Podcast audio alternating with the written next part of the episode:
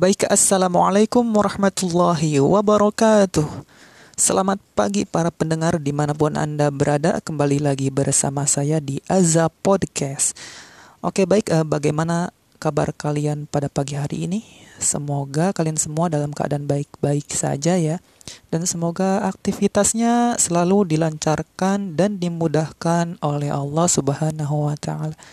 Oke baik, jadi pada kesempatan kali ini saya akan membahas tentang tarekat atau tasawuf. Di sini saya hanya akan menanggapi dan juga hanya akan berpesan gitu bagi kalian yang bergabung ke dalam suatu pengajian yang disebut dengan tarekat atau tasawuf itu ya. Nah, bagi kalian yang belajar tarekat atau tasawuf ya Semoga kalian bisa menjadi orang-orang yang berhati bersih ya, berhasil, sukses dalam belajar bukan ha dalam hal segi dari segi pengetahuannya saja, tapi benar-benar ilmu itu bisa diterapkan gitu dalam kehidupan sehari-hari. Nah, di sini saya akan mengangkat suatu suatu problem atau suatu sesuatu hal yang ada kaitannya dengan tarekat. Jadi begini ceritanya. Jadi ada orang yang dia itu belajar tarekat atau mungkin istilah lain tasawuf gitu ya. Dia belajar tarekat. Nah, ketika kita belajar tarekat kan itu tujuannya itu untuk membersihkan hati ya, membersihkan hati, mensucikan hati supaya hati ini bersih dari segala perkara duniawi gitu kan ya. Perkara duniawi itu bukan hanya tentang harta. Perkara duniawi itu juga termasuk ketika kita ingin dipuji oleh orang, dianggap pinter gitu kan, dianggap cerdas, dianggap tahu, dianggap termasuk dianggap hatinya bersih itu juga termasuk kita itu berarti belum zuhud terhadap duniawi begitu. Jadi ketika kita belajar tarekat itu tujuannya supaya hati kita itu bersih dan tidak tidak terlalu sibuk dengan dunia gitu. Tidak terlalu mementingkan dunia gitu. Hidup sederhana gitu kan. Tapi hidup sederhana bukan berarti kita tidak boleh menikmati apa yang ada di dunia ini kita boleh menikmati apa pun di dunia ini selama itu halal dan baik dan tidak berlebihan begitu. Nah, jadi ceritanya itu ada orang yang belajar tarekat tapi dia itu seperti orang yang sudah merasa suci gitu. Seperti orang yang menganggap bahwa orang yang tidak bergabung ke dalam kajian tarekat itu dia belum mendapatkan suatu kesem suatu keistimewaan gitu. Seakan-akan orang yang tidak mengikuti kajian tarekat itu dia belum hatinya belum bersih gitu. Hatinya tuh belum bersih hatinya tuh tidak akan bersih atau mungkin apa ya? Intinya menganggap bahwa hanya kelompok tarekatlah yang memiliki hati bersih intinya gitu. Seakan-akan seperti itu karena waktu itu dia pernah bilang karena saya pernah juga ngomong langsung bicara langsung dengan orang yang memang belajar tarekat itu. Dia seolah-olah bisa membaca pikiran saya gitu. Padahal kan kita belajar tarekat itu bukan ketika hati kita bersih bukan untuk membaca pikiran orang. Justru ketika kita belajar tarekat dan membersihkan hati itu supaya kita itu semakin semakin mengenal Allah gitu kan dan tidak tidak terlalu sibuk dengan dunia gitu. Semakin mengenal Allah dan kita juga semakin tawadhu terhadap manusia. Dan ini justru sebaliknya ketika belajar tarekat dia malah menjadi orang yang seakan-akan dia itu lebih tahu daripada orang yang di luar tarekat. Seakan-akan dia itu lebih suci gitu daripada orang yang di luar tarekat. Seakan-akan dia itu lebih hatinya tuh lebih peka lebih bersih gitu dibandingkan orang-orang yang di luar tarekat. Dan juga seakan-akan dia itu mentang-mentang sudah mengaji tarekat seakan-akan dia itu bisa membaca pikiran orang lain gitu kan. Soalnya dia pernah bilang ke saya bahwa dia bisa membaca pikiran saya katanya. Katanya gitu dia sendiri yang langsung bilang gitu nah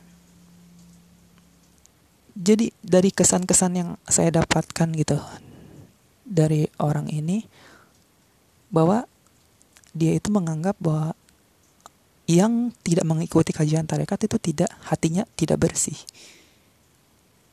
Dan menganggap apa ya? Terus ada juga pernah lihat di video gitu orang yang memang dia itu belajar tarekat terus dia bilang begini kalau tidak salah. Percuma kiai kalau tidak tidak tahu tarekat atau tidak apa ya. Intinya tidak kalau tidak tahu tarekat gitu. Kalau saya lupa kalimatnya seperti apa yang jelas ada kata-kata seperti itu. Percuma kiai kalau tidak mengaji tarekat kalau gak salah ya. Aku juga lupa yang jelas aku tuh lihat uh, dengar di di YouTube waktu itu nah jadi dari beberapa orang yang saya pernah lihat gitu baik yang lihat secara langsung ada ya satu orang pernah lihat dan ada juga aku lihat di YouTube juga. Jadi sebagian dari mereka itu justru malah merasa lebih suci gitu daripada yang lain. Mungkin ini tidak semuanya ya, tidak semuanya seperti itu, tapi ada sebagian gitu orang-orang yang memang seperti itu. Padahal tarekat itu di, dipelajari supaya kita tuh makin mengenal Allah dan terhadap manusia juga kita tuh semakin tawaldu gitu, semakin rendah hati, terus semakin zuhud terhadap dunia tidak terlalu mementingkan duniawi gitu kan. Hidup sederhana bukan berarti hidup sederhana gitu. Zuhud terhadap duniawi hidup sederhana bukan berarti tidak boleh menikmati apa yang ada di dunia. Ini kita boleh. Ketika kita bekerja terus berhasil tiba-tiba kita jadi orang kaya ya emang harusnya mungkin seperti itu. Kita juga tidak boleh malas-malasan gitu. Kita harus kerja. Kita harus kerja harus berusaha. Karena bekerja itu kan ibadah. Kalau kita ditakdir, ditakdirkan menjadi orang kaya ya udah berarti itu rezeki kita. Yang penting yang menjadi masalah bukan kaya atau tidak kayanya tapi yang menjadi masalah adalah kekayaan itu apa yang Allah berikan itu digunakan untuk apa gitu? Apakah untuk kebaikan atau untuk keburukan? Itu yang menjadi permasalahannya. Kamu boleh hidup sederhana tapi bukan berarti malas-malasan seperti itu. Itu jadi yang tanggapan saya terhadap orang yang merasa dirinya suci lebih suci daripada yang lain. Gitu dan terus uh, dari kajian tarekat sendiri kajian tarekat itu sebenarnya gimana sih gitu apakah kajian tarekat itu menyimpang atau tidak. Nah, kalau itu sendiri aku mengambil dari perkataan dari ulama yang menjadi rujukan aku sendiri ya. Dari Buya Yahya, contohnya dari Buya Yahya itu pimpinan pondok pesantren Al-Bahjah Cirebon dan juga ada beberapa cabang juga pesantrennya di berbagai daerah gitu kan. Buya Yahya pernah bilang kalau kajian tarekat itu tergantung mursyidnya katanya. Mursyid itu mungkin pembimbingnya tergantung pembimbingnya. Kalau pembimbingnya benar ya ajarannya juga benar gitu. Kalau mursyidnya atau pembimbingnya gak benar ya dalam akidahnya sesat ya berarti ajarannya juga sesat. Ya bukan hanya dalam hal tarekat aja sih dalam semua hal ya. Kalau mem kalau pembimbingnya gurunya benar ya pasti benar. Kalau gurunya gak benar ya otomatis jadi gak benar gitu. Ajarannya juga gak benar gitu. Itu jadi tarekat itu saya tidak menyimpulkan tarekat itu menyimpang ya. Tidak. Kalaupun ada yang menyimpang itu tidak semuanya. Ya wajar lah jadi dalam segala sesuatu itu tidak semuanya baik tidak semuanya buruk gitu. Kita sebagai manusia itu ada kekurangan ada kelebihan gitu kan ya.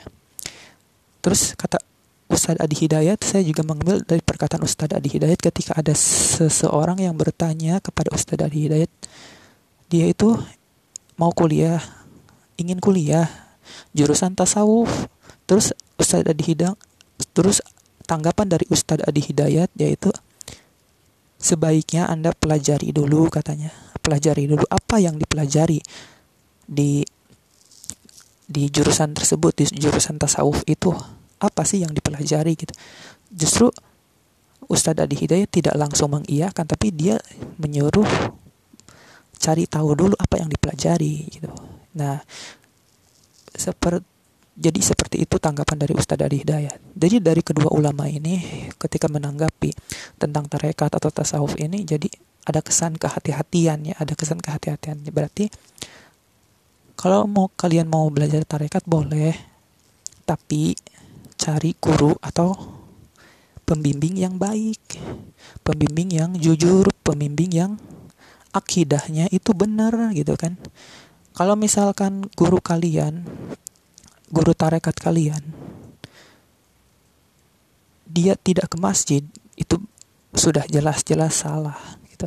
Kan kata Ustadz Adi Hidayat ada tuh katanya yang dia itu seorang uh, bukan apa ya buk, eh, itu mah hanya cerita dia saja mungkinnya atau kalau misalkan kita ini katanya belajar sesuatu untuk belajar tarekat mungkin. Saya lupa sih waktu itu Ustadz Adi Hidayat uh, bilangnya kayak gimana mungkin kayak gini ya. Kalau ada yang belajar tarekat terus muridnya itu ngajak gurunya ke masjid tapi gurunya masih ngopi katanya. Tapi gurunya malah bilang adek katanya kamu itu masih masih baru katanya. Kalau kalau pak kiai udah uh, makomnya udah beda katanya udah deket sama Allah jadi gak perlu sholat lagi gak perlu ke masjid lagi. Kata Ustaz Hidayat kayak gitu. Nah kalau misalkan kalian nemu guru kayak gitu itu sudah jelas-jelas menentang syariat. Syariat Islam menyeru kita untuk sholat tapi dia tidak sholat. Atau syariat Islam menyuruh dia ke masjid tapi dia tidak ke masjid gitu. Itu sudah jelas-jelas menentang syariat. Jadi kalau kalian uh, belajar tarekat tapi gurunya kayak gitu udah jauhi aja. Ya jadi seperti itu. Jadi intinya kalau misalkan kalian belajar mau belajar tarekat, cari pembimbing atau guru yang yang akidahnya benar ya, yang akidahnya benar. Gitu. Dan bagi kalian yang belajar tarekat, jangan pernah kalian tuh merasa lebih daripada yang di luar tarekat gitu. Jangan pernah merasa lebih suci, jangan pernah merasa lebih hatinya lebih bersih, jangan merasa lebih dekat dengan Allah, jangan merasa lebih solih, jangan merasa karena menurut aku sendiri sih kalau tarekat itu lebih kepada suatu metode ya, suatu metode untuk mendekatkan diri kita kepada Allah. Kalian belajar tarekat mungkin kalian itu lebih kepada apa ya? Mungkin lebih kepada mungkin memperbanyak zikir gitu ya untuk mendekatkan hati kita kepada Allah memperbanyak zikir. Kalau kalian berzikir yang lain pun yang di luar tarekat pun berzikir gitu. Jadi kalian jangan merasa lebih daripada yang lain. Kalian boleh belajar tarekat tapi kalian tidak boleh menganggap diri kalian itu lebih suci lebih tahu lebih dekat dengan Allah hatinya lebih bersih daripada yang di luar tarekat itu justru suatu kesalahan kalau kalian itu merasa lebih. Boleh kita menjadi orang kaya asal jangan merasa lebih kaya daripada orang lain. Boleh kita menjadi orang yang solih asal jangan merasa lebih solih daripada eh salah salah. Kita juga boleh merasa lebih solih dari yang lain aja. Maksudnya meskipun kita juga boleh maaf ada kesalahan tadi kita gak boleh merasa solih gitu apalagi merasa lebih solih dari yang lain gitu.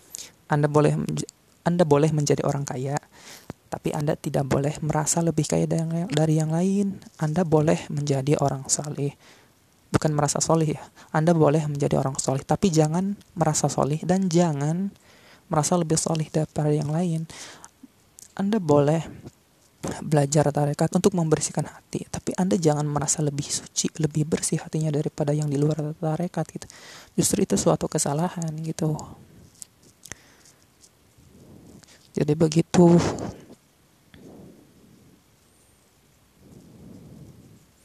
Mungkin itu ya apalagi yang mau dibahas ya. Intinya itu sih lah. Intinya apa yang dipelajari di tarekat tentang berzikir kayak mendekatkan hati kepada Allah membersih tentang membersihkan hati membuang sifat-sifat tercela itu di luar tarekat pun orang-orang yang maksudnya tidak bergabung gitu di suatu kajian yang diembel-embelin dengan kata tarekat pun mereka juga sama berzikir mereka juga sama mendekatkan diri kepada Allah gitu.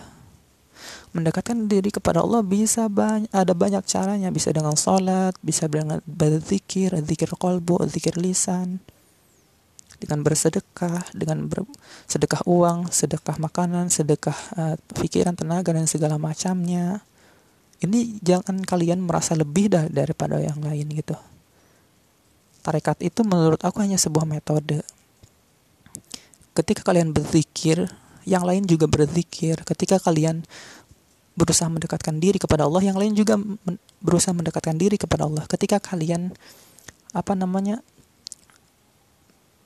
mengikuti kajian tarekat supaya zuhud terhadap duniawi yang di kajian lain pun meskipun tidak diembel-embeli dengan kata tarekat mereka juga sama mengajarkan tentang zuhud terhadap duniawi tidak boleh meng terlalu mementingkan kehidupan duniawi. Tapi kalian jangan salah paham, zuhud terhadap duniawi itu bukan berarti kita harus hidup hidup miskin, hidup buka hidup miskin tidak punya apa-apa gitu. Kalian boleh hidup sederhana. Sederhana itu ya sederhana, bukan berarti serba kekurangan apa. Hidup sederhana, hidup secukupnya gitu. Tapi itu juga tergantung kepada kalian masing-masing gitu kalau mau hidup sederhana ya sederhana kalau mau hidup apa ya mau hidup lebih dari itu ya asal tidak berlebihan karena itu juga tidak dilarang asal tidak berlebihan yang jelas kalian itu ketika kalian ingin hidup sederhana bukan berarti kalian itu malas-malesan ya. Kalian tetap harus bekerja. Karena kalian ketika punya anak istri juga atau punya tanggungan itu juga tanggung tanggung jawab kalian loh. Itu bukan suatu alasan ya. Kalian harus tetap bekerja meskipun kalian ingin ingin hidup sederhana. Mungkin itu aja sih tanggapan dari saya. Terima kasih. Mungkin itu aja ya. Apalagi yang mau dibahas ini? Udah itu aja lah. Terima kasih ya, atas perhatiannya. Sekian dari saya. Wassalamualaikum warahmatullahi wabarakatuh